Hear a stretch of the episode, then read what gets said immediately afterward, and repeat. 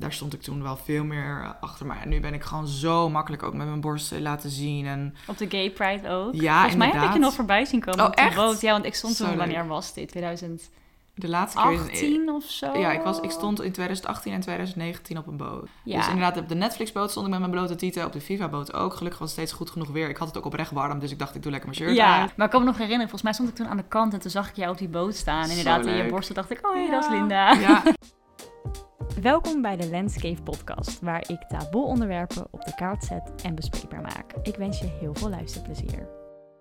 Linda, ja. ik zat te denken, hoe lang kennen wij elkaar al? Nou, ja, dat is inderdaad heel lang, hè? Wij Ja. zijn echt die OG, vanuit die OG YouTube-tijd. Ja, want ik kan me dus herinneren dat jij ooit heel lang geleden aan een winactie van mij hebt meegedaan. Ja? Heb ik toen gewonnen? Nee. Ja, volgens mij wel. Heb je mij laten winnen? Ja, volgens mij wel. Wat grappig. Want jij was toen ook net begonnen met YouTube volgens mij. Ja. En jij volgde mij en je kon toen een heel groot nagellakpakket winnen of zo. Oh, echt? Oh, ik Ja. kan me niet herinneren dat ik dat dan heb gewonnen. Ja, want je had er toen ook een hele video voor gemaakt. Echt? Ja, want dat kan ik me nog heugen. Wow. En toen kwam jij op mijn radar van, oh, ik vind jou echt leuk. Ja. En toen zag ik, oh, jij maakt ook YouTube-video's. En toen vanuit daar ben ik Wow. jou ook gaan volgen. Oh, maar deze herinnering heb ik helemaal maar dit niet. is wel ook echt heel lang Ja, geleden, ja, dit moet... Want ik weet dat ik zelf dus ben begonnen met YouTube in 2010. Toen was ik dus 15. Dus dat is 11 jaar geleden. En jij bent ook dan ongeveer Ja, toen? 2010 ook. Ook tien- oh, ja, ja, maar ik was toen 12. Wow, inderdaad. Ja, nou, dat, dat moet dan... Ik had niet gedacht dat het al zo ver terug ging in ieder geval. Nee. Ja, dus ik denk dat die winactie 2011 was of zo. 2012 Ja. misschien. Wow, en ik zat inderdaad toen helemaal in de nagellak. Ik maakte zelfs... Op een gegeven moment ging ik ook ASMR-video's maken. Dat ik dan zo door mijn nagellak heen ging, door mijn Oh, nagellak ja. stash. En dan daarbij, daarbij ging fluisteren. Ja, dat was die tijd. Oh, my Oh, god. En ik heb zelfs ja. mijn ASMR nog online staan. Omdat, ik heb het er wel eens over nog in mijn Instagram-story. En ik heb ze wel eens offline gehaald. En dan kreeg ik allemaal DM's. Hallo Linda, waar zijn je ASMR-video's? Terwijl dat Oh. zijn video's uit 2014, 2015. Terwijl ik, en ik denk echt, dat zijn zulke awkward video's. Want heel veel mensen, ik vind het zo cringy om dat eigenlijk te horen. Maar blijkbaar vinden mijn, mensen mijn ASMR-video's heel chill. Dus je kan eigenlijk gewoon een heel ASMR-kanaal nog beginnen. Misschien moet ik dat nog doen als carrière switch, ja. maar inderdaad, ja, lang, we kennen elkaar lang. Ja, Ja. Terwijl we nooit elkaar heel intensief hebben gekend. We, we hebben elkaar gewoon altijd wel gevolgd, en niet, maar nooit echt... Nee, gewoon echt online, maar niet echt in het echt. Mhm. En eh, ik weet nog, toen ik mijn podcast ook begon, toen dacht ik, oh, ik wil jou er echt een keer op hebben. Een keer. Ja. ja, ik vind het ook Ja. helemaal leuk. Ja, ik hou van podcast. Ja, ja. want jij hebt ook zelf een, eh, een eigen podcast. Mm. Op zoek naar seksualiteit. Ja, die heb ik opgenomen met Nienke Nijman. En zij is een seksuoloog en relatietherapeut. En dat gaat echt over alles rondom seksualiteit. In het eerste seizoen heb ik echt samen met haar opgenomen. En in het tweede seizoen hebben we ook elke, elke week of elke twee weken een andere gast. En eh, ja, super interessant. Daar Ja. heb ik zoveel van geleerd ook. En vooral ook omdat wij niet altijd op één lijn zaten. En ik wat meer de feminist ben en zij wat, toch wat meer op de seksuologische feiten zit. En nou ja, goed, die combinatie is gewoon heel erg leuk. Dus Ja. ja, nee, ik vind podcasten echt eh, helemaal fantastisch. Ja, ik vind het ook echt wat voor jou. Ja. ja. Ja, want je kan, het is, het, jij kan het misschien ook wel beamen. Het is zoveel fijner om wat uitgebreider, meer context te kunnen geven. In plaats van in een YouTube-video moet je toch best wel een soort van kort en bondig zijn. En 10 minuten en je bent klaar. En bij een podcast kan je veel meer de diepte ingaan en veel meer uitweiden en veel meer uitleg gewoon geven bij bepaalde dingen. Ja, nee, absoluut. Nee, dat kan ik echt zeker beamen. Dat vind ik ook zo leuk aan podcast. Ja. En ehm, mochten mensen jou niet kennen... Nou ja, zoals ik dus al zei, ik begon altijd met YouTube filmpjes maken. En dat is een beetje, dat was gewoon een uit de hand gelopen hobby wat per ongeluk mijn werk is geworden. Inmiddels maak ik eigenlijk al anderhalf jaar, of nou ja, al anderhalf jaar geen video's meer. Want ik, het, voel, het voelde gewoon niet meer, het voelde als een verplichting en ik wilde het gewoon niet meer. En nu focus ik vooral op Instagram. Ik heb inmiddels ook een boek geschreven, twee jaar geleden ook alweer kwam die uit. Bijna twee jaar geleden. En waarover? eh, dat heet dus seksleven. Ja, inderdaad. Het gaat voornamelijk allemaal over seksualiteit. Dus mijn werk gaat echt al mijn influencer dingen, mijn presentaties, ehm, mijn, mijn, de, de video's die ik, of andere merken waar ik voor werk, het gaat altijd vaak over seksualiteit. Vooral het taboe doorbreken rondom eigenlijk alles wat met seksualiteit te maken heeft en waar, waar veel jonge vrouwen zich voor kunnen schamen. Dus ik wil vooral heel graag laten weten aan mijn volgers dat niks gek of raar is en dat, dat je bepaalde seksuele gevoelens gewoon, dat dat gewoon moet kunnen.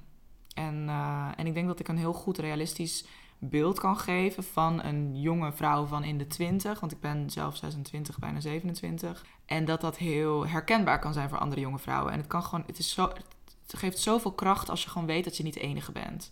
Dus als je bijvoorbeeld met een struggle zit dat je denkt, oh nee, ik kan niet klaarkomen tijdens de seks. Of eh, ik eh, vind dit heel geil. Eh, ben ik nu raar? Is het wel normaal? Weet je, dat vraag je je toch vaak af bij zulke dingen.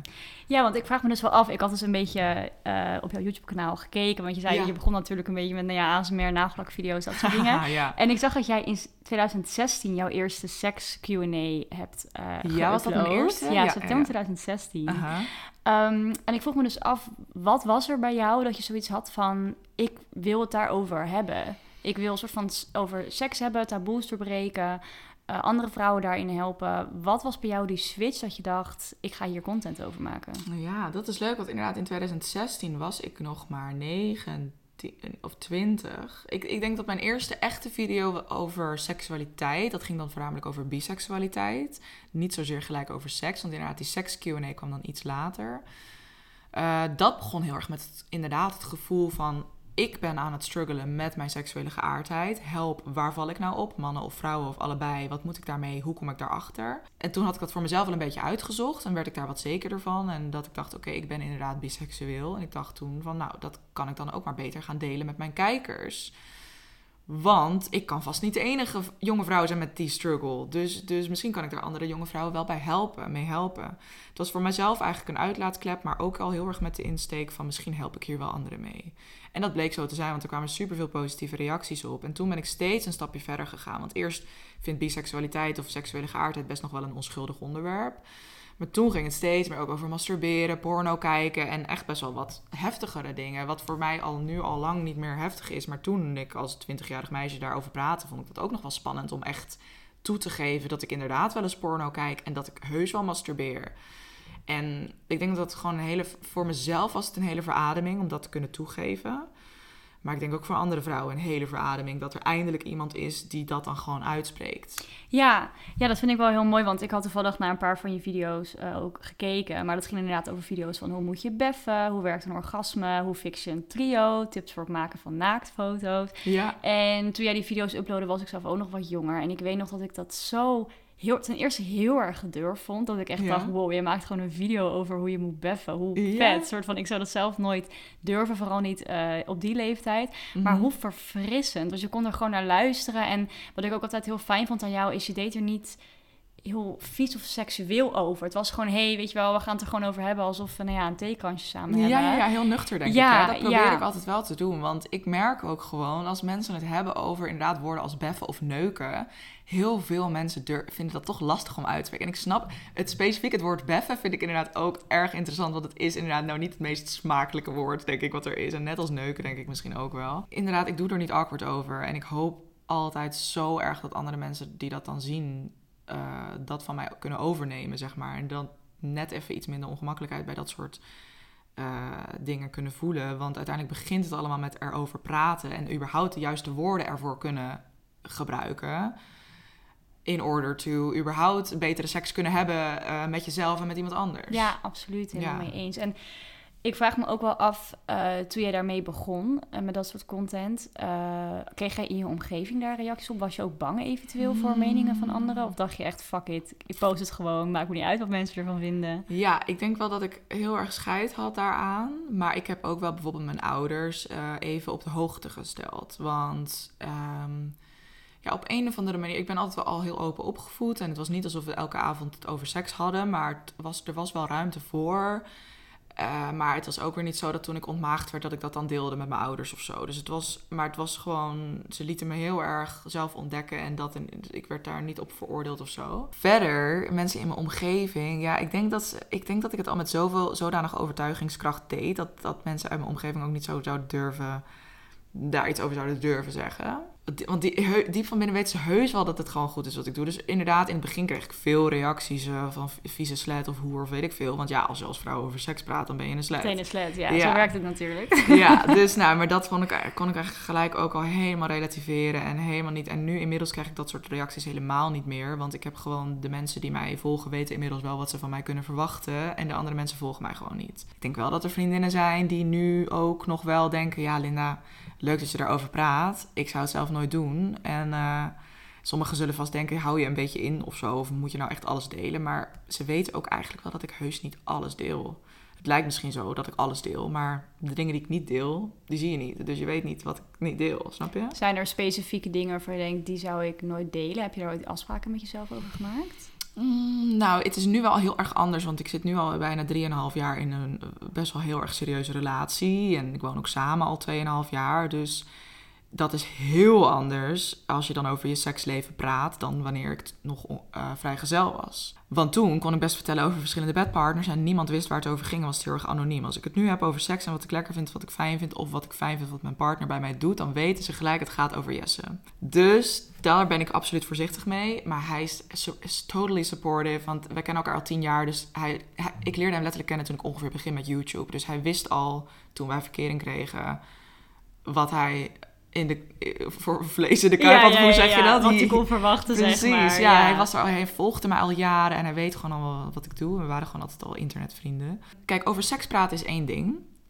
Maar over je eigen seksleven praten is een tweede. En natuurlijk, ik heb mijn boek geschreven, Seksleven. En dat gaat heel erg over mijn eigen, hele, mijn hele seksuele levensverhaal. Van mijn eerste orgasme tot aan nu, zeg maar, samenwonen.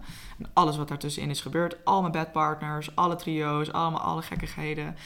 Heb je eh, daarvoor toestemming gevraagd voor bij andere bijpartners? Die je nee, want ik heb heel anoniem iedereen besproken. Dus dat is echt niet aan. Uh, misschien de mensen die dichtbij me staan, die het hebben gelezen, zullen weten over wie sommige dingen zijn gegaan. Je hebt, je hebt ook geen reacties gehad van eventuele bedpartners van... hey, ik sta in je boek, leuk. Nee, nee, eigenlijk niet. Want dat waren toch de bed, meeste bedpartners zijn... die stonden ook wel ver van me af of zo. Ja. Ik heb bijvoorbeeld ook erin ingezet... ja, en ik heb ook wel eens een trio gehad met een getrouwd stijl. Nou, en oh ja, dat was wel. Die hebben dat toen gelezen en die zeiden wel van... hé, hey, ik, uh, wat leuk dat dat uh, over ons gaat. Ja. Uh, maar die, stond, die vonden het helemaal oké, want er stond letterlijk alleen dat... en die was totaal niet aan af te leiden wie dat dan zouden zijn. Nee. Um, dus nee, ik heb dat heel anoniem besproken. De, echt, als ik namen heb genoemd, ook geanonimiseerde namen. Dus trouwens, ja, ik heb wel een tijdje gescharreld met een meisje. En dat was ook toen een vriendin. En daar heb ik nog steeds wel eens contact mee. Dus toen heb ik inderdaad ook van tevoren gevraagd ja, er zijn wel een paar mensen, maar dat zijn gewoon nog steeds vriendinnen en die vinden dat dan oké. Dus uh, ja, dat, dat, uh, maar dat zou wel grappig zijn geweest als er inderdaad nog iemand ineens opduikt. Mm, maar nee, ik denk niet dat dat uh, nee, erg is. Nee. Maar ik, wat ik, wat, de grens is eigenlijk over seks praten is één ding en dat kan heel goed in zijn algemeenheid. Ik probeer natuurlijk veel statements te maken en dat hoeft allemaal helemaal niet per se over mijn eigen seksleven te gaan. Ja, het dus... involveert ook heel vaak een ander persoon. Ik merk zelf dat ik dat soms ook wel lastig vind hoor, want ik ben natuurlijk ook wel vrij open over mijn seksleven en ja. ik heb bij zoveel dingen dat ik denk, ja, dit gaat ook over iemand anders. Het gaat niet alleen over mij. En natuurlijk, ik mag vertellen over mijn seksleven wat ik wil. Maar als die ander dat niet weet, dat vind ik best wel een ja, ding. is heel intiem, absoluut. Ja, ja en mm. vooral als misschien uh, bepaalde ex-vriendjes of scharrels... dat ze denken, ja, als zij nu mijn podcast luisteren... nou, dan weten ze waarschijnlijk, hé, hey, ja. gaat het over mij? En daar moet je altijd zo'n soort of in ieder geval, ik merk dat ik daar wel echt een balans in moet vinden. En dat ja. vind ik soms best wel lastig. Ja, dat heb ik eigenlijk ook wel. Maar ik bespreek wel alles um, met Jesse. En ik laat bijvoorbeeld, als ik word geïnterviewd, laat ik het hem altijd even lezen. Want ik, ik denk dat het meest gevoelige ding is dat wij uh, heel erg openstaan in onze relatie. En ik wil het geen open relatie noemen, maar we zijn absoluut niet monogaam. En ik vind een vrije relatie altijd wel mooi. Maar daarin is het nog best wel een beetje zoeken wat deel ik wel, wat deel ik niet. Kijk, dat we wel eens met andere mensen zoenen, dat is op zich oké om te delen. Ja, want mag ik vragen, hoe, hoe vullen jullie dat dan in, jullie relatie daarin? Mm, want je nou, zou het dus geen open relatie noemen. Nee, want ik vind bij een open relatie denk je gelijk aan dat alles mag. En veel mensen in een open relatie hoor ik ook vaak dat ze dat dan niet met elkaar bespreken.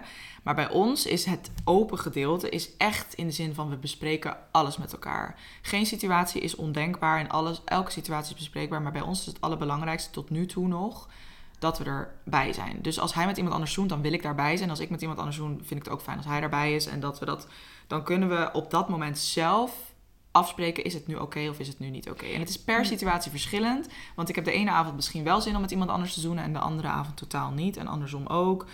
Want is dat dan bijvoorbeeld bij een avondje stappen? Ja, meestal gebeurt dat wel op feestjes, stappen, dat soort dingen. Ja, absoluut. En is het dan, uh, stel jij ontmoet iemand op een feest die jij leuk vindt, dan ga je dus eerst naar je vriend toe van, ja, hey, ik vind iemand leuk. Ja, want de vibe tussen, het is zo, kijk, als, als Jesse bijvoorbeeld, met, dat is het beste voorbeeld, als hij zoent denk ik vaker met andere meiden dan ik met andere jongens. Ik heb wel eens met andere mannen gezoend, andere jongens, andere mannen, maar dat gebeurt minder vaak. Ik voel die behoefte ook wat minder. Ik zoen ook graag met andere meiden en dat is toch altijd wat makkelijker. Um, Als in is het makkelijker om vrouwen te fixen? Eh, oh, ja, misschien ook wel. Maar ook dat, dat Jesse dat wat fijner vindt. Oké. En het, eh, maar goed, in ieder geval, ik vind het allerbelangrijkste dat als hij met iemand anders zoent, dat ik haar ook chill vind. Dat ik weet wie het is en dat zij niet denkt, hé, hey, ik ga hem even lekker inpikken. Dat zij onze relatie respecteert Ja. en dat helemaal 100% daarachter staat eigenlijk en weet gewoon waar zij aan toe is en dat wij ook weten waar we aan toe zijn. En hetzelfde met die man, want die man moet ook gewoon Je- Jesse relaxed vinden en eh, niet denken dat hij mij ineens voor zichzelf heeft. Want Jesse zal voor mij altijd op nummer 1 blijven en met wie ik dan nog andere dingen doe. Maar goed, we bespreken superveel eh een soort van potentiële situaties. Zo van, oh, dit zou ooi- ooit een keer kunnen gebeuren. Hoe zouden we daar dan in staan? En echt ook wel over seks met anderen. Dat, daar, dat hebben we nu nog nooit gedaan. Maar dat, ja, dat bespreken we wel gewoon van hoe zouden we dat dan doen? En wanneer... We, we weten allebei van elkaar dat we daar nu nog niet klaar voor zijn. Maar dat we dat ooit wel zouden willen. En ik denk dat dat soort gesprekken zo belangrijk zijn. Ook al ben je 100% monogaam. Want vreemdgaan is dus voor ons letterlijk geen optie. Want dat ze- kunnen we al voor zijn doordat we dat bespreken. Maar zou het bijvoorbeeld wel vreemd gaan zijn als jij dan bijvoorbeeld vanavond gaat stappen, daar is Jesse niet bij Ja. en jij besluit daar met iemand te gaan zoenen. Zien jullie dat dan ook niet als vreemd gaan? Nou, ik zou het nooit vreemd gaan willen noemen, maar ik zou het wel eh, stom vinden, omdat het dan onbesproken is. En dat is, voelt gewoon oneerlijk. Eh, maar ik denk wel dat we op een level zitten. Op zich zou ik wel op stap kunnen gaan en, al, en met mijn beste vriendin zoenen of zo. Als hij, dan, maar dan zou ik alsnog denk ik van tevoren zeggen... hey, mocht dat gebeuren vanavond, zou je dat dan oké vinden? Ja, toch wel eventjes wat Checken. bespreken met Ja, elkaar. Toch ja. wel even checken. Maar tot nu toe is het eigenlijk weinig gebeurd. Nee, nooit. Ik heb nog nooit met iemand anders gezoend dat hij er niet bij was eigenlijk, denk ik. En vind je het ook nooit moeilijk om te zien dat je vriend dan met een andere Nee, nee, ik vind dat dus juist heel opwindend. Oh, oké. ja, daarom doen we dat ook hoor. Ja. Want ik, nee, nee, nee, nee, nee, dat zou ik niet eh, vervelend vinden. Nee, want anders zou ik dat niet willen doen. Nee, Nee, nee, Jaloezie is niet hier in... eh tuurlijk voel ik me wel eens jaloers, maar dat zijn niet bij zulke situaties. Nee, precies. Dus nou, er zijn zoveel dingen waar je mee kan experimenteren in een relatie. Dat is zo leuk en ik kan het iedereen aanraden en ik gun het ook iedereen dat je daar zo vrij mee om kan gaan. Maar goed, om dan terug te komen, wat deel ik wel, wat deel ik niet. Nu, nu nog steeds zijn er dus dingen die ik weglaat, die ik je straks heus wel persoonlijk kan vertellen, maar niet zo openbaar. Eh, omdat dat dan toch dingen van ons echt van ons samen zijn en die wil ik wel voor mezelf houden. En net zo goed in interviews en daarom laat ik het hem ook vaak lezen. Maar hij is inmiddels wel redelijk op de hoogte en hij vertrouwt me er wel heel erg in, in wat ik wel en niet deel. En dat je uiteindelijk ook wel samen een weg vindt van... oké, hey, dit delen we wel, dit Ja. delen we niet. Ja, Inderdaad. Want het lijkt me ook wel, eh, toen je dus eenmaal in een vaste relatie kwam, dan is jouw content natuurlijk best wel ook verschoven voor jou. Dat je erg moest gaan zoeken van, joh, wat ga ik wel en niet delen en hoe ga ik dit doen? Ja, dat vond ik erg lastig. Ja, want ehm, in het dat merkte ik dus direct toen ik toen, vooral toen ik ging samenwonen. Toen begon ik af te zwakken met video's maken. Je gaat toch zo lekker samen in je eigen bubbeltje zitten. En ik had geen zin meer om de hele tijd te delen.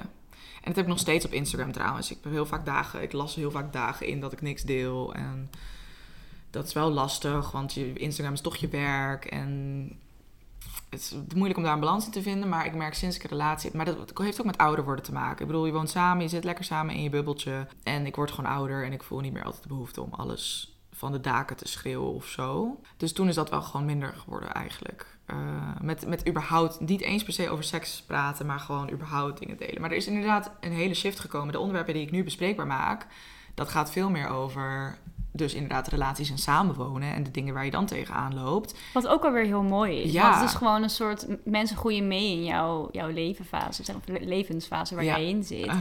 Dus dat is natuurlijk eigenlijk alleen maar mooi meegenomen, dat je daar dan weer op kan inspelen. Ja. Daar zit ook weer een hele doelgroep in. Want bijvoorbeeld, ik heb dan nog nooit met een romantische partner samengewoond. Dus Nee. het lijkt mij heel interessant te weten, hoe doe je dat dan? En hoe gaat dat bij jullie? En, dus dat is natuurlijk ook wel eigenlijk alleen maar mooi meegenomen. En, en merk jij dus ook bij jouw volgers dat ze ook heel erg met jou mee zijn gegroeid? ja, absoluut. Ja, leuk is dat, hè? Ja, Ik vind dat absoluut. dus ook heel ja, want leuk. wij waren natuurlijk allebei nou, nog hartstikke jong toen we met Ja. YouTube begonnen. Dus dan ging het inderdaad over nagellak en over... Nou, dan maakte ik een vlog over wat ik op school had meegemaakt, ja, zeg en maar. shoplogs. Shoplogs, inderdaad. Dat doe jij nog steeds trouwens wel een beetje, Ja, toch? heel af en toe. Ja. Klopt. Maar het is gewoon heel erg leuk dat die volgers dan nu ook in vaste relaties zitten of bezig zijn met seks. En dat je daar dan met elkaar. Je bent gewoon eigenlijk letterlijk vriendinnen die met elkaar opgroeien. Ja. ja. En dat vind ik zo leuk. En dat ze dat dan ook zo leuk vonden om bij mij die hele overgang te zien. En, nou, maar natuurlijk, mijn content is daardoor wel veranderd. Ik heb bijvoorbeeld laatst een Instagram post gemaakt over condooms. En over vooral seks met Ik vond condoom. die heel fijn trouwens. Ja, want dat doe jij, jij hebt dus ook seks met condoom Ja. altijd. En Ja. ook toen je nog een relatie had, dus ook. Ja. Ja. Nou, ik heb heel, een heel groot gedeelte van mijn relatie hebben we zonder condoom kunnen seksen. En dan ineens die shift maken. Ja, want je had toen volgens mij een spiraal. Precies. En toen besloot je die eruit te halen. Ja. Ik weet nog wel, toen keek ik jouw stories daarover. Je maakte daar toen stories van. Mhm. En toen dacht ik, oh, ben helemaal benieuwd hoe jij dit nu gaat doen. Want Ja, ik sprak, en nog steeds spreek ik best wel weinig vrouwen... die in een vaste relatie zitten of een vaste bedpartner hebben... die het dus alleen met condoom doen. Ja. Ik ben er altijd nog best wel zoekende in en hoe doen anderen dat. Dus ik vond het toen heel fijn om te zien van... oh, jij gaat dit dus nu ook doen. ja, gelukkig. Nee, ik, we hebben inderdaad nu al meer dan een jaar seks met condoom. En het grootste verschil wat ik eigenlijk merk... je wordt creatiever in andere vormen van seks naast penetratieseks. Want je hebt niet altijd zin om helemaal te penetreren. Überhaupt, of je nou seks hebt met of zonder condoom. Ik denk dat er echt... al, alles behalve penetratieseks wordt zo... eh, hoe heet dat? Het is zoveel meer waard dan wat dat mensen nu denken. Ja. Mensen zien het altijd als even voor erbij of even als voorspel. Nou ja, en wat mij ook altijd opvalt is dat als je het hebt over seks, dat mensen denken, oh, dus dan heb, ben je tot penetratie Ja. gegaan. Terwijl ik Mhm. had laatst ook een gesprek over met iemand van, seks is ook naast voorspel ook bijvoorbeeld ehm, op iemands rug kriebelen. Dat ja, heel intiem maken. in of bed. eh, Of knuffelen. Knuffelen, of gewoon een geilpotje tongen. Ja, dat. lepeltje, lepeltje Ja. liggen. Ik bedoel, dat zijn allemaal vormen in, in a way van seks. Het is maar net hoe jij daar natuurlijk naar kijkt. Precies. Ja. Wat je zegt over, over wat, dat, dat, dat kriebelen vind ik zo interessant. Want ehm, soms kun je helemaal in elkaar opgaan. Alleen maar omdat je elkaar aan het strelen of kriebelen of whatever bent. En je, je helemaal opgewonden en geil voelen. Dat kan soms zelfs nog wel geiler voelen dan even een potje penetratieseks. Ja, absoluut. En dat is inderdaad interessant. Ja, en die- soms die- ook veel intiemer. Inderdaad, Ja. ja. En de definitie van seks moet inderdaad echt breder. Ik heb nog steeds ook wel eens de neiging... Ik, ik kan me soms ook wel eens zorgen maken. Dat ik denk, oh nee, we hebben al, eh, weet ik veel, twee, drie weken geen seks gehad. En dan bedoel ik geen penetratieseks. Want ik ben dan toch nog wel eens geneigd om die, al die andere dingen niet mee te tellen. Terwijl we zijn bijna elke avond wel intiem met elkaar. Maar dat is lang niet altijd seks. Dus dat, wat is dan belangrijker, vraag ik me wel eens af. Maar goed, in ieder geval... ehm, over condooms. Ja joh, ik vind het zoveel fijner eigenlijk. Ja? Ja, want vooral als je de juiste maat hebt gevonden, want dat is vaak het probleem eigenlijk, dat mannen ehm, toch denken, ja, het zit te strak of weet ik veel. Maar voor alle luisteraars nu, weet dat er een hele wereld is. Mijn favoriete merk is bijvoorbeeld My Size. Die hebben echt negen verschillende maten. En de standaard ma- maat in de, super, in, de, eh, in de drogist gewoon, ja, dat is wel een maat die heel veel, bij heel veel mannen past. Want het heeft meestal met de omvang te maken. hè? Absoluut. Want Het ik is- heb de lengte het- is altijd lang genoeg. Ja, want ik heb altijd het 20 idee dat als, als we het over maat hebben met condooms, dat veel Ja. mensen denken, oh, dat heeft te maken met hoe letterlijk lang, nou ja, de lul is, zeg Ja. maar. Maar het heeft inderdaad met de omvang te maken, met de dikte. Absoluut, want Ja. dat, eh, een condoom is bijna altijd 19 of 20 centimeter. Nou, dat is best lang. Want een gemiddelde Nederlandse piemel is 13 of 14 centimeter in erectie. Ze weten gewoon vaak niet dat er zoveel maten zijn en dat dat de seks gewoon veel fijner kan maken. Ja. Dus als je één keer je goede maat hebt gevonden, is er niks aan de hand en zijn condooms hartstikke fijn, kunnen hartstikke fijn zijn. Een groot voordeel is bijvoorbeeld dat je het niet na, als, als een man in je is klaargekomen, daarna moet uitlekken op de wc. Want dat vond ik altijd zo verschrikkelijk, dat die sperma dan nog uit je loopt. Ja, dat wil ik. En soms de volgende dag zelfs Ja, nog. maar ik had ook, toen ik nog wel ook aan de pil zat, vond ik dat ook echt, ik hoefde dat liever Nee, nee, nee, niet. en ik heb er best wel eens wat gesprekken over gehad met vrouwen die zeggen ook, ik vind het juist heel fijn als hij nou ja, in me kan Ja. komen. Het is natuurlijk ook heel intiem. Ik vind, vond het vaak, vaak ook intiem, maar ik Ja. had er ook niet altijd zin in. Nee, want soms vragen mensen ook van, mis je dat dan niet? Dat dat kan, denk ik, nee, normaal. Nee. Dan moet je naar de wc en dan inderdaad dat gelekt de hele tijd. Mm. Ik vond het ook gewoon, weet je, voor je pH-waarde is ook niet echt de Nee, beste. nee. En dan douchen en gedoe. En vooral als je daarna snel de deur uit wil. Of, ik vond dat Ja. heel onhandig. En dat. condooms zijn ook gewoon, je doet er een knoop in en je hebt geen Ja. gedoe met handdoeken, Het wc-papier. Ja, ehm, ik heb één keer een bedpartner gehad die dat ook helemaal had opgemeten. En die Oh, had goed, echt condooms perfect. liggen die hij heel fijn vond. Vond Perfect. ik heel fijn. Maar ik heb zelf inderdaad nog nooit echt dan met andere mannen daar het gesprek over gehad. Ik denk ook een soort van onwetendheid. En ik moet zeggen dat ik daar ook nog niet heel ver in ben. Ehm, dus dat is wel echt een interessante Ja, want Durex noemt. is ook op zich fijn hoor, maar het is meer gewoon in mijn... ehm, Ja, het, is, het is een standaard maat het is natuurlijk. standaard. En Ja. ik heb denk ik toevallig ook gewoon veel seks gehad met, met mannen met grotere piemels.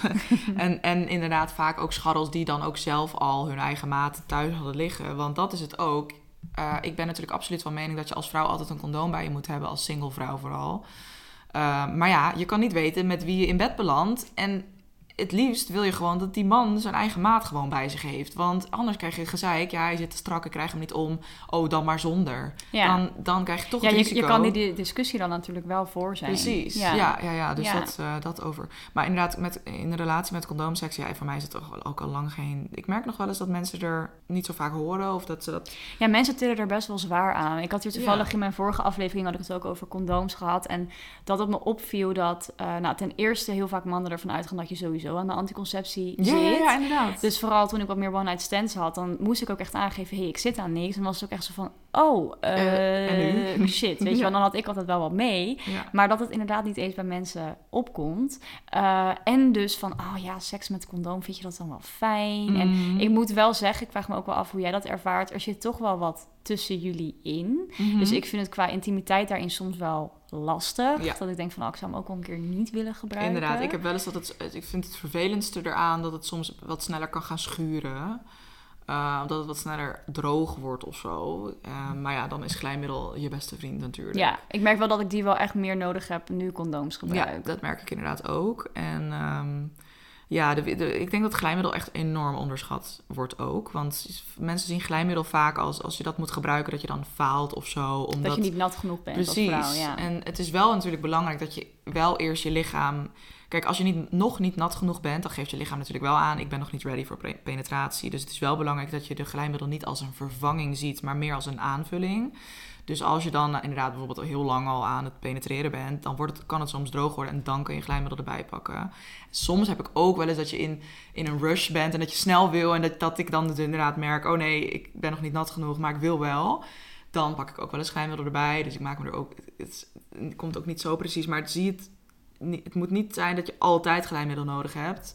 Maar het kan een hele leuke aanvulling zijn. Ja, ik vind het altijd wel fijn als we een condoom pakken. Dan doe ik ook altijd gewoon wat glijmiddel vast op het Ja, condoom. Ook kan, al Dat ook merk je dat je lichaam er ready voor is. Ik vind dat toch fijn. En Ja. ja. een beetje wat, schu- het kan een beetje gaan schuren, wat droger worden. En er zit ook vaak wel iets van glijmiddel op condooms. Maar dat is ook wel echt wel redelijk minimaal. Ja, ja, en het belangrijkste is dan wel dat je glijmiddel op waterbasis gebruikt. Ja. Siliconen kan op zich, maar oliebasis al helemaal niet. Dat kan niet met condoom, want dat tast het eh, Oh, dat gaat materiaal niet... aan en dan eh, kan het sneller scheuren. Oh ja. Ja. ja, dat is inderdaad Maar vooral waterbasis is het beste. Want silicoon, bijvoorbeeld net als siliconen glijmiddel met siliconen sp- seksspeeltjes.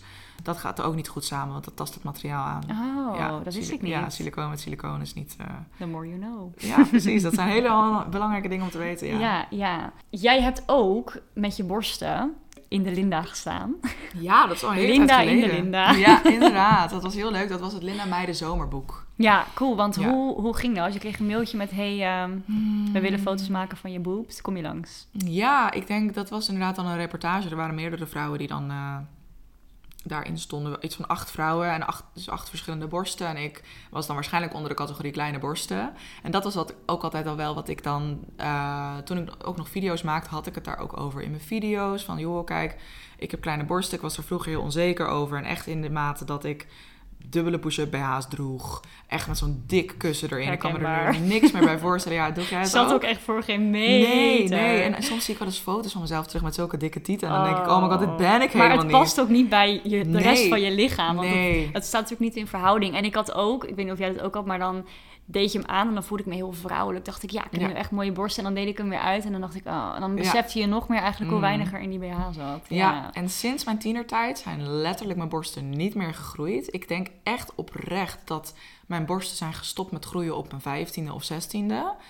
En nu kan ik het heel... Ik vind het fantastisch, ik vind het zo mooi en ik vind het helemaal prima. Dus nou ja, ik denk dat ik daarom dus ben gevraagd... omdat ik dat onderwerp ook bespreekbaar maakte. En ook, ik denk dat ik in 2017 mijn eerste foto van mijn borsten plaatste... of 2018. En inderdaad in de zomer van 2018 werd ik toen ook gevraagd. Ja, want Om, daarover, eh, jij post natuurlijk best wel wat, ehm, kan ik het naaktfoto's ja, noemen? blote foto's, Blote naaktfoto's. ik ben nooit foto's, ja. helemaal 100% naakt, maar Ja. inderdaad, je ziet veel naakt op mijn foto's. En inderdaad bewust met het idee om daar wel een statement in te maken. En vooral om naaktheid te normaliseren.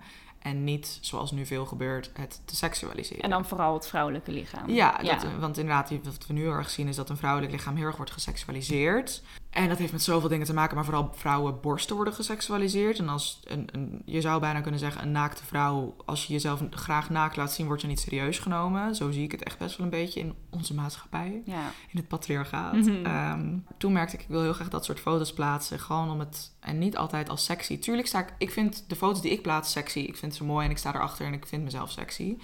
Eh, maar het is niet met de bedoeling om sexy over te komen, als Ja. je snapt wat ik bedoel. Mhm. Dus, dus ik probeer echt vaak. Ja, want je Ja. seksualiseert het natuurlijk zelf ook niet. Het is Nee. meer gewoon, hé, hey, dit is gewoon mijn, Mijn lichaam. inderdaad, En ja. laten we het normaal maken dat je gewoon borsten ziet en Ja. billen. En, want ik kan me herinneren dat jij je ook best wel hard maakte voor de hele eh, policy op Instagram over tepels. En dan voornamelijk vrouwelijke tepels. Ik had het nog even opgezocht, want er staat letterlijk in dat eh, vrouwelijke tepels niet zijn toegestaan.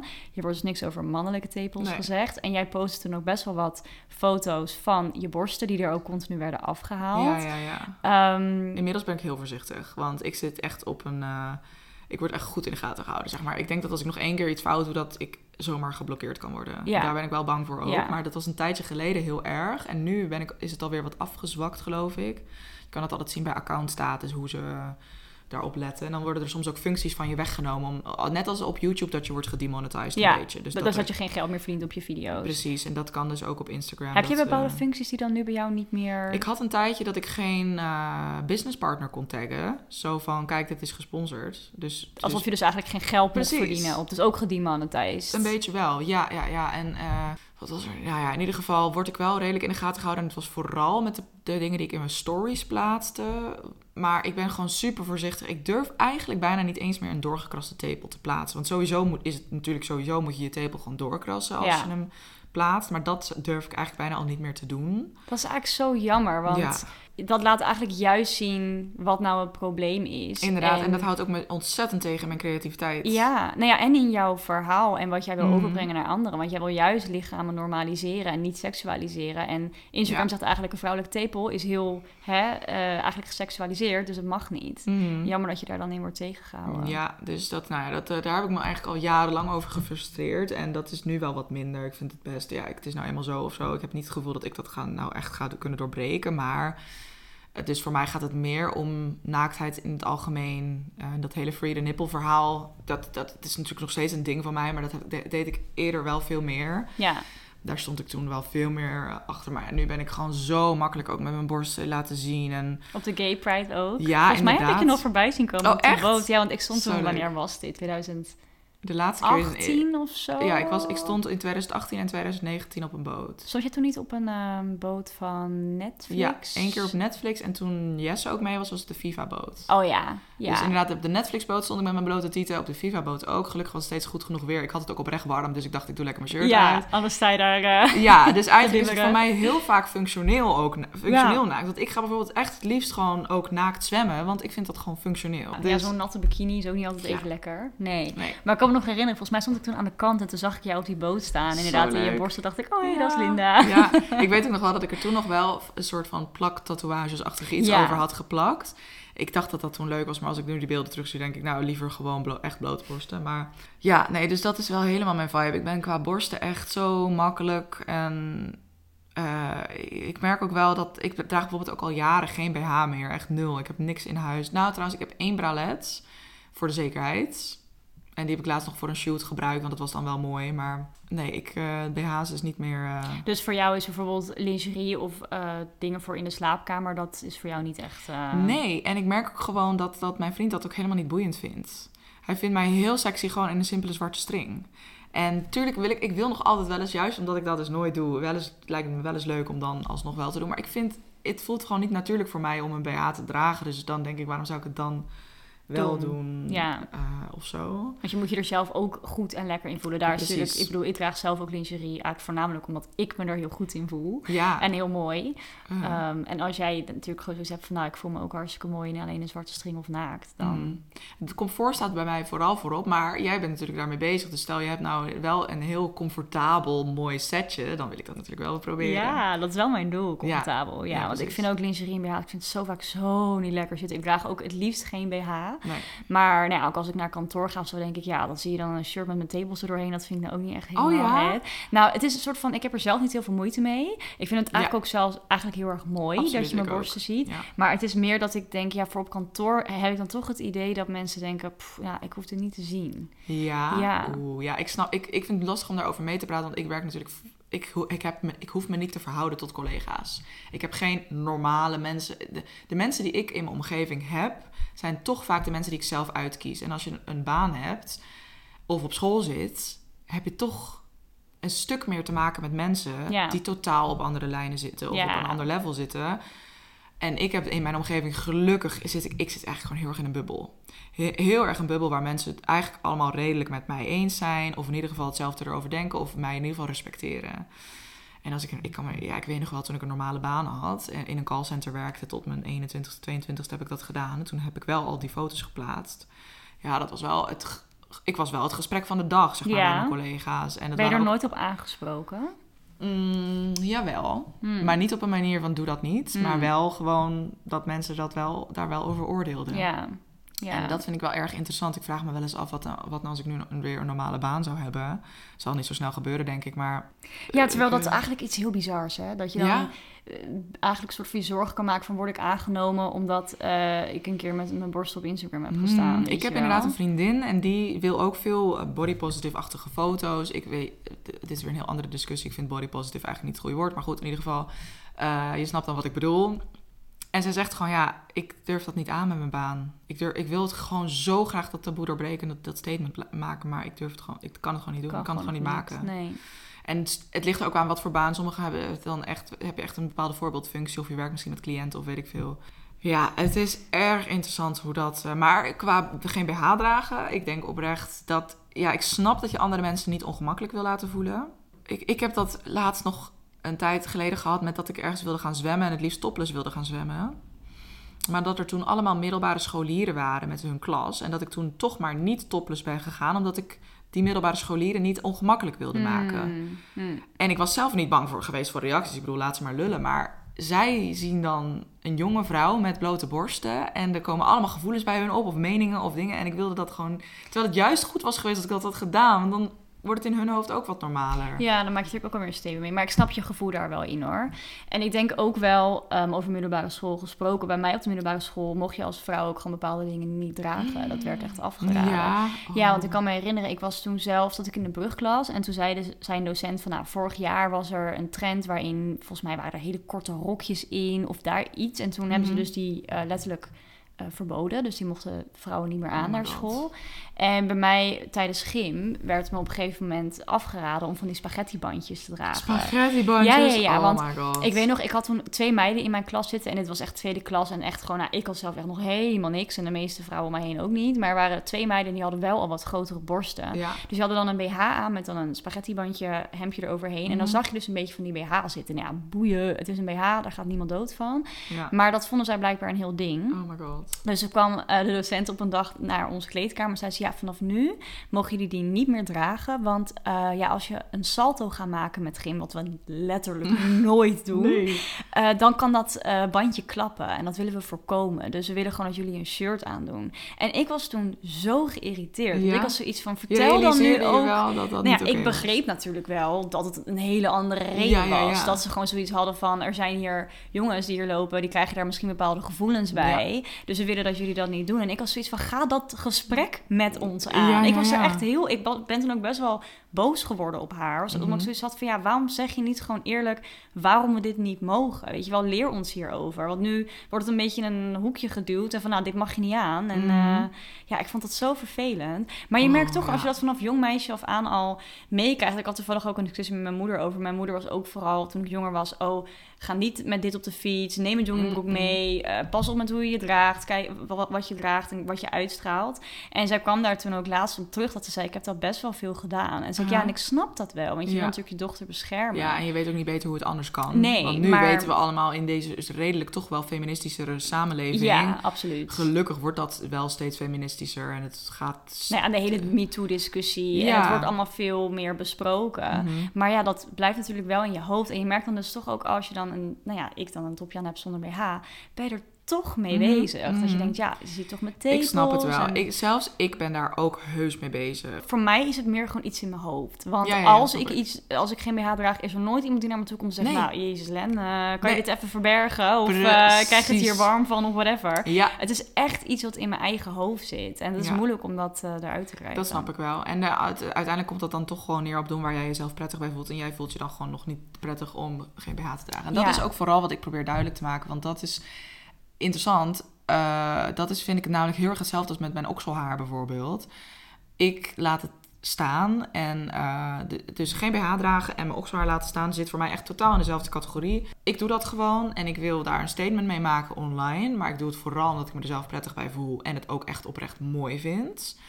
Ook een beetje vanuit luiheid. Dat begon ook met een BH zo, vond ik, was ook deels luiheid, maar ook met stoppen met scheren was ook gewoon luiheid. heel veel werk. Ja, precies. En, eh, en heel veel stress. Dus nou goed, het was gewoon een keuze toen. En eh, nou, dit, dat- maar dat betekent niet dat ik vind dat elke vrouw dat zou moeten doen. Dus ik sta heel erg voor eigen keuze.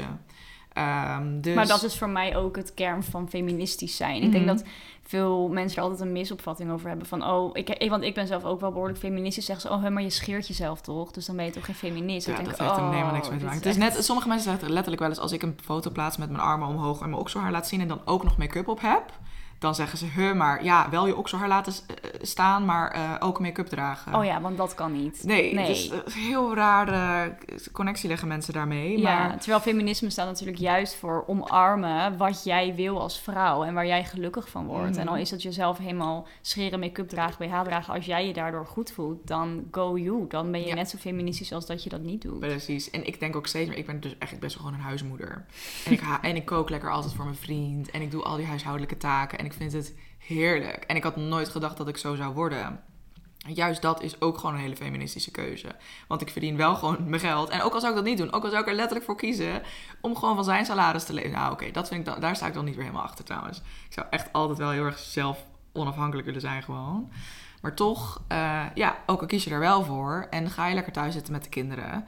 Heerlijk. Ja, Ja. maar als het maar wel je eigen keuze is en dat je niet Ja. het gevoel hebt dat je door ergens toe gedwongen wordt of zo. Of dat je denkt, ja, maar het is nou eenmaal zo of het kan nou eenmaal niet anders. Of, Nee. Het enige wat ik echt niet feminis- feministisch vind, is dat je andere vrouwen shamed voor hun keuzes en Inderdaad. wat zij doen. Precies dat. Ja, Ja. dat is het inderdaad. Ja, Ja. Vooral andere vrouwen die elkaar naar beneden halen. Ja. Ja.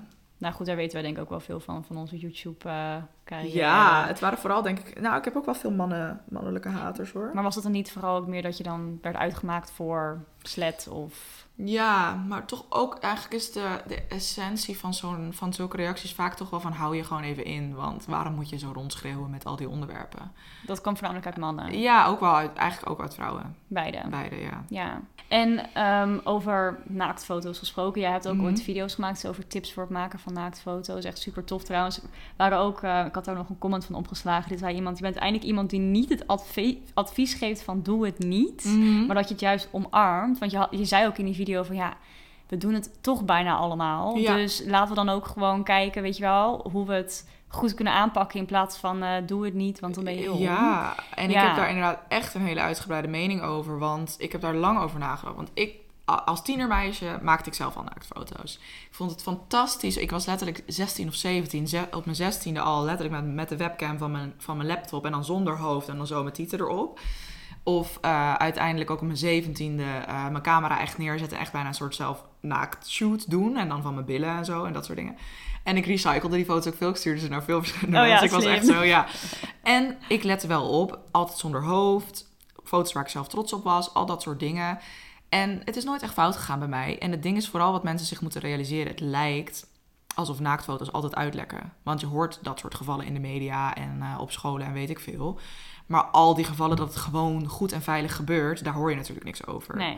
Dus daardoor heerst er een soort beeld dat, oh nee, naaktfoto's moet je niet maken, want dat is dom, want, de want dan lekken ze uit. Ja, en ik vind dat ook, dat vind ik altijd zo moeilijk ook eh, aan bijvoorbeeld seksvideo's die lekken. Natuurlijk, laatste tijd best wel veel gebeurd ook bij celebrities. Bijvoorbeeld Ja. toen bij Laura Ponticorvo Oh, en ja. bij Patricia Pai. Ja, Fred van Leer was natuurlijk ook aan de beurt Oh. eh, vorig jaar, geloof ik. oh, En wat ik altijd heel moeilijk vind in die discussie, is dat mensen dan heel erg gaan victim blamen. Ja, maar Mhm. jij had jezelf niet had moeten je, filmen had je maar niet die video moeten maken, Ja. inderdaad. Dat ik echt denk, maar hallo, daar ligt toch helemaal niet de kern van het probleem. En het- waar, waar ik dan ook niet van hou, is dat die mensen dan in de komst altijd heel schijnheilig doen. Of wat dan denk ik, alsof jij zo'n heilig boontje bent. Mhm. Weet je wel? En als jij jezelf wil filmen tijdens de seks of een foto van jezelf wil maken van je Ja. lichaam, doe het, weet je Mhm. wel. En ik vind het altijd heel moeilijk dat dan degene die dat dan maakt, wordt geblamed. Inderdaad. Maar ik, ik had juist toen nog helemaal geen Snapchat. En ik vond juist, ik heb, het let, ik heb die foto's letterlijk gewoon nog. Want ik vind het zo cool. En het is gewoon mijn, Ja, je, je ziet ook je lichaam veranderen dat is ook leuk. Ja. En eh, al moet ik zeggen, mijn lichaam van mijn 17e lijkt heel erg op hoe mijn lichaam nu eigenlijk nog Oh, steeds is. grappig. Ja, wat wel gek is. Ja, ik was er gewoon heel snel gevormd en dat, Daarna was het ook gewoon bleef klaar. het ook zo. Ja. ja. Want naaktfoto's ook bijvoorbeeld nu een vaste relatie. Hoe ervaar jij dat? Nou, we doen, oh, dat doe ik echt zoveel minder. Dat vind ik wel erg jammer. Dat merk je gelijk. Vooral als je samen woont. Het is heel typisch, want als ik een keer zo'n foto stuur, dan is dat... Kijk, nu, we zitten allebei samen thuis te werken. Dus ja, wat ga ik dan een foto sturen? Dat is een Ja, je kan gek. net zo goed van de kamer inlopen. Inderdaad. En, maar omdat ik al zoveel ook naakt thuis rondloop, is het heel vaak niet iets seksueels. Is- ik vind het soms nog wel eens moeilijk om mijn naakte lichaam voor mijn partner sexy te houden of zo. Omdat Hmm. ik al zo... Ja, ik ben ook, kan ook heel oncharmant naakt rondlopen namelijk. Dus, dus soms vraag ik me nog wel eens af, vind je me überhaupt nog wel sexy? Ja, hij zegt het vaak genoeg dat het wel zo is, dus dat Ja. is fijn. Maar nee, en als hij dan eens op kantoor is, dat is de afgelopen twee jaar misschien een paar keer gebeurd. En dat is dus het kutte. We zijn gewoon heel veel samen. Maar of als hij dan op kantoor is of als hij dan eh, op het terras zit of met zijn vrienden is of zo, dan, dan is het toch vaak meer onhandig dat ik het stuur. Want dan zegt hij, hallo Linda, ik ben op kantoor. Eh, wat moet ik hiermee? Het is heel moeilijk om echt sexting te doen met je partner waar je samen mee woont. Omdat het heel snel in een WhatsApp-gesprek weer over de dagelijkse dingen gaat. Dus dan stuur ik die naaktfoto zegt hij, oké, geil. En dan het volgende gesprek, hey schat, heb je nog boodschappen gedaan? Ja, kan je Ja, nog even weet- wc-papier halen? Ja, weet je, dat gebeurt gewoon echt. En dat, dat maakt het gelijk zo onsexy. Dus dat, ik moet wel zeggen, dat is een goede uitdaging om nog... eh, Daar heb je nog niet echt helemaal een weg in gevonden. Nee, nee, dat is wel lastig. En natuurlijk, kijk, ja, ik woon 2,5 jaar samen, waarvan twee jaar in coronatijd. Ja, Dus ik weet bijna niet eens meer hoe het is om echt samen te wonen en naar elkaar te verlangen. Om als je lang, ik ga wel eens de deur uit en ik slaap wel eens buiten de deur eh, bij vriendinnen en zo. En dan hebben we wel eens dat we elkaar ook weer echt missen. Maar dat echt ruimte voor seksueel verlangen eh, komt natuurlijk pas als je een langere tijd eigenlijk uit elkaar bent. Want als je het op elkaar geplakt zit, dan is er geen ruimte voor verlangen. En dat is wel heel interessant om te merken. En dat, vind je dat lastig? Loop je daar Ja. eens tegenaan? Oh ja, dat vind ik heel lastig. En daar zijn we ons ook heel bewust van en daar hebben we het gelukkig over. Eh, want het is trouwens helemaal niet zo dat we niet meer naar elkaar verlangen, maar er is een, het is een ander soort verlangen. Eh, want wat ik ervoor terugkrijg is ook zoveel, zoveel waard. Die veiligheid en die geborgenheid, weten wat je aan iemand hebt, altijd, voor, altijd iemand hebben. Dat vind ik zo waardevol. Ehm, maar ja, daarvoor, ja daar, daar lever je ook wel weer wat voor in soms. Dus, maar ik had nooit een andere keuze gemaakt. Samenwonen is echt de beste keuze ooit. Ik vind Ja. het zo leuk en gezellig. Mm. Ja, en ik denk vooral als ik single mensen hoor in deze coronatijd. Het is misschien nog wel veel kutter om single te zijn nu dan in ieder geval een maatje te hebben waar je altijd Ja. mee. Ook al hebben we echt onze moeilijke tijden gehad, want het is echt zo'n uitdaging. Maar daardoor realiseren we ons wel heel erg dat we heel sterk zijn. Dat we het goed aankunnen. En hoe moeilijk, echt zoveel moeilijke gesprekken. Want echt, zoveel op elkaars lip zitten, dat doet echt zoveel meer Hmm. dan, en dan alleen de simpele dingen die je kan bedenken. Ja, je irriteert je sneller aan elkaar. Het heeft met verwachtingen te maken. Het heeft te maken met tijd voor jezelf. Ne- Wanneer neem je die tijd voor jezelf? Wanneer ga je wel iets voor jezelf doen? Wanneer doe je wat samen? Nou, alles echt, echt. Is er echt iets waar je achter kwam door samenwonen dat je dacht, wow, ik had nooit verwacht dat dit er ook bij zou komen? Mm, In, nu weet ik wel dat dat er echt bij hoort, maar in het begin minder seks hebben met elkaar. Want, want als je een relatie hebt en je spreekt één keer in de week met elkaar af, dan heb je waarschijnlijk dan altijd seks. Of je hebt eigenlijk al, als je niet samenwoont, heb je eigenlijk bijna, bijna in het begin vooral, heb je altijd seks als je elkaar ziet. En toen we gingen samenwonen, vrij snel, je ziet elkaar elke dag. Je zou, in het begin dacht ik dus juist, oh, dan heb je dus elke dag seks. Ja, Maar dat is helemaal niet zo. En dat vind ik nog steeds, na 2,5 jaar samenwonen, vind ik dat nog steeds soms moeilijk om te realiseren. Dat er soms gewoon een hele week voorbij gaat, of misschien wel twee weken, dat we niet echt seksueel zijn met elkaar. En dat is puur, dat is natuurlijk samen, de samenkomst met de pandemie en samenwonen. Maar ook alleen als je samenwoont zonder dat er een pandemie zou zijn, denk ik dat dat gebeurt. Dat je dus gewoon, ehm, je ziet elkaar toch elke dag. Dus morgen kan het ook wel. ja. Dus waarom zouden we per se nu moeten als ja, Ja, en dat stukje verlangen denk ik ook waar je het over had. Je gaat Mhm. elkaar natuurlijk niet meer zo missen, want je ziet elkaar elke dag. Ja. Dus dat ontzettende verlangen naar elkaar, wordt dan misschien toch wat minder. Ja, ja, ja. Ben je er ook wel eens onzeker over geweest? Ja, zeker. best wel Dat is mijn grootste onzekerheid. De- en, ik, en ik vind inderdaad interessant om van mezelf te zien. Want ik ben een heel zelfverzekerd persoon. Maar dat is de, denk ik de grootste onzekerheid in mijn relatie. En het allerbelangrijkste is dat ik dat helemaal... Alles wat ik nu vertel, dat weet Jesse ook gewoon natuurlijk. En daar hebben we het over. En dat... Daar proberen we steeds weer een weg in te vinden. En wat ik aan het begin in de, deze aflevering een beetje zei over die manieren om een beetje een vrije relatie vorm te geven, helpt daar wel enorm bij. Want als ik met iemand anders heb gezoend, realiseer ik me alleen maar meer hoe fijn ik het met Jesse heb. Mm, ja. En eh, dat heeft hij andersom ook. En ja, dat, dat geeft weer een soort nieuw vuurtje in, in je relatie, juist. ja, Dus dat kan ik wel begrijpen. En, ja. en zoiets moet je ook echt alleen maar doen als je echt sterk in je relatie staat. Je kan niet eh, met iemand anders gaan zoenen om te denken dat dat dan je relatie redt of zo. Nee, de basis moet natuurlijk wel heel sterk zijn daarvoor. Precies. Ja, Ja, ja, en net als met een trio trouwens ook. Er zijn ook wel eens, ik hoor wel eens verhalen dat mensen dan maar toch maar een trio gaan doen om Een beetje Hun- spanning om in, de de in het om- seksleven. inderdaad om weer een beetje spanning in het seksleven te krijgen. Maar dat zou niet onze reden zijn om dat te doen. Dat is vanuit een gevoel van, juist vanuit liefde. En dat gun je elkaar dat elkaar gunt. Ja.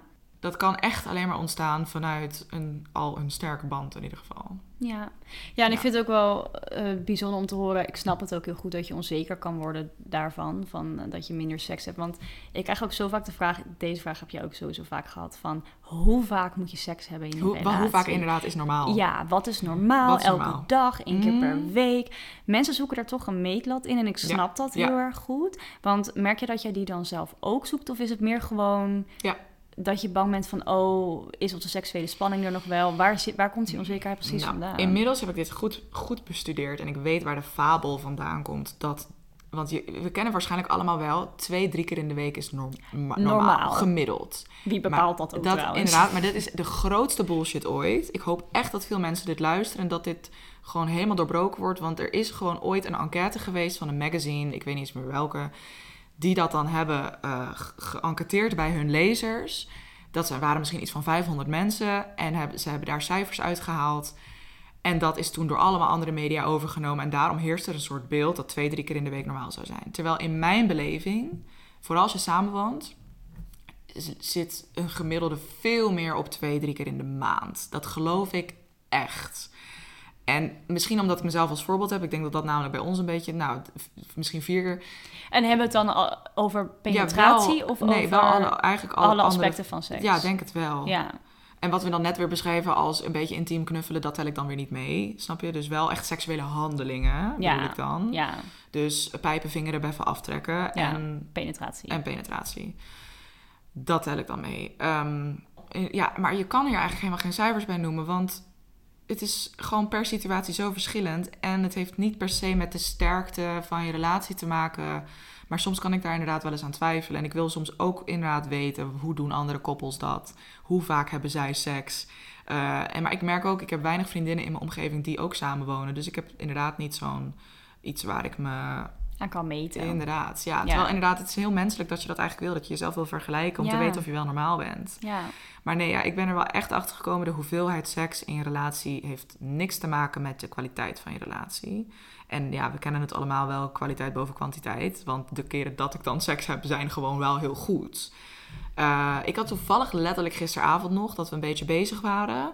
En dat ik eigenlijk merkte dat ik helemaal niet bij was met mijn hoofd. En dat ik dat gewoon eerlijk aangaf. Want ik dacht, ik ga hier niet maar liggen en het liggen tolereren of zo. Terwijl ik er eigenlijk helemaal nu niet zin in heb of achter sta. Terwijl ik wel denk dat heel veel mensen dat wel doen. oh ja. En het dan maar toch even doen, want dan hebben we het weer een keer gedaan. Ja. En dan zitten we in ieder geval nog on schedule. Of zo'n gevoel een beetje. Ja. En dat, dat, ik probeer mezelf daar echt heel bewust van te maken. Dat ik nooit maar even zin ga maken voor seks. Voor de ander.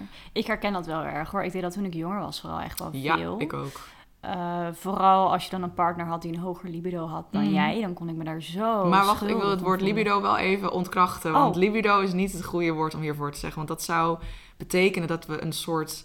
Dat je nou eenmaal een hoog libido hebt of nou eenmaal een laag libido... en dat je daar niet zoveel aan kan veranderen. Maar het is Mhm. echt afhankelijk van zoveel verschillende factoren. Dus ja, ik snap het woord libido, want mensen weten dan waar we het over hebben. En het, het woord seksdrive zou ook niet helemaal goed zijn. Maar je hebt gewoon... eh, heb, het boek, heb jij dat boek niet gelezen van Emily Nagoski, Kom als jezelf? Dat zou echt een aanrader zijn, ook voor de luisteraars. Kom als jezelf, of in het Engels Come as you are. van Emily Nagoski.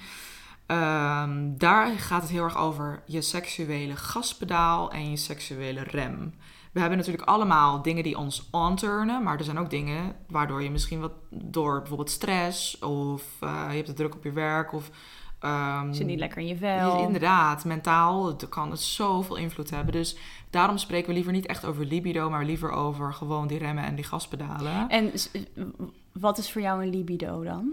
Ja, dat is de, voor mij bestaat dat dus eigenlijk niet. Is het gewoon een woord die ineens is bedacht en ik weet niet waar het eigenlijk vandaan is gekomen. Maar in Jij hebt mij ooit geïntroduceerd met dat woord. Echt waar? Ja. ja, want inderdaad, vroeger wist ik ook nog niet dat dit eigenlijk niet echt het goede woord is om nou te gebruiken. Ik wist dus, volgens mij, wanneer was dit? We waren toen op een um, YouTube-evenement. Mm Feed heette dat. Heette dat Feed? Ja, Feed was het ja. inderdaad, in Amsterdam. En uh, dat is echt lang geleden. En toen zaten we ergens even op een bankje en toen begon jij dus over libido. Oh, echt? En toen zei ik, wat is dat? Zei je, weet jij niet wat dat is? Zei ik, nee, dat weet ik niet. En zij dus van, nou, dat is dus je seksdrive. En toen dacht ik, oh, en toen, vanaf dat moment ben ik me erin gaan verdiepen. Dus ik vind het ook alweer een mooi cirkeltje rond, dat jij dan Absoluut. nu... Absoluut. Ja. Ik ben zelf natuurlijk ook gegroeid in de kennis die ik heb. En uh, nee, maar daarom echt, Come As You Are is een hele, uh, heel goed boek over hoe vrouwelijke seksualiteit uitgelegd.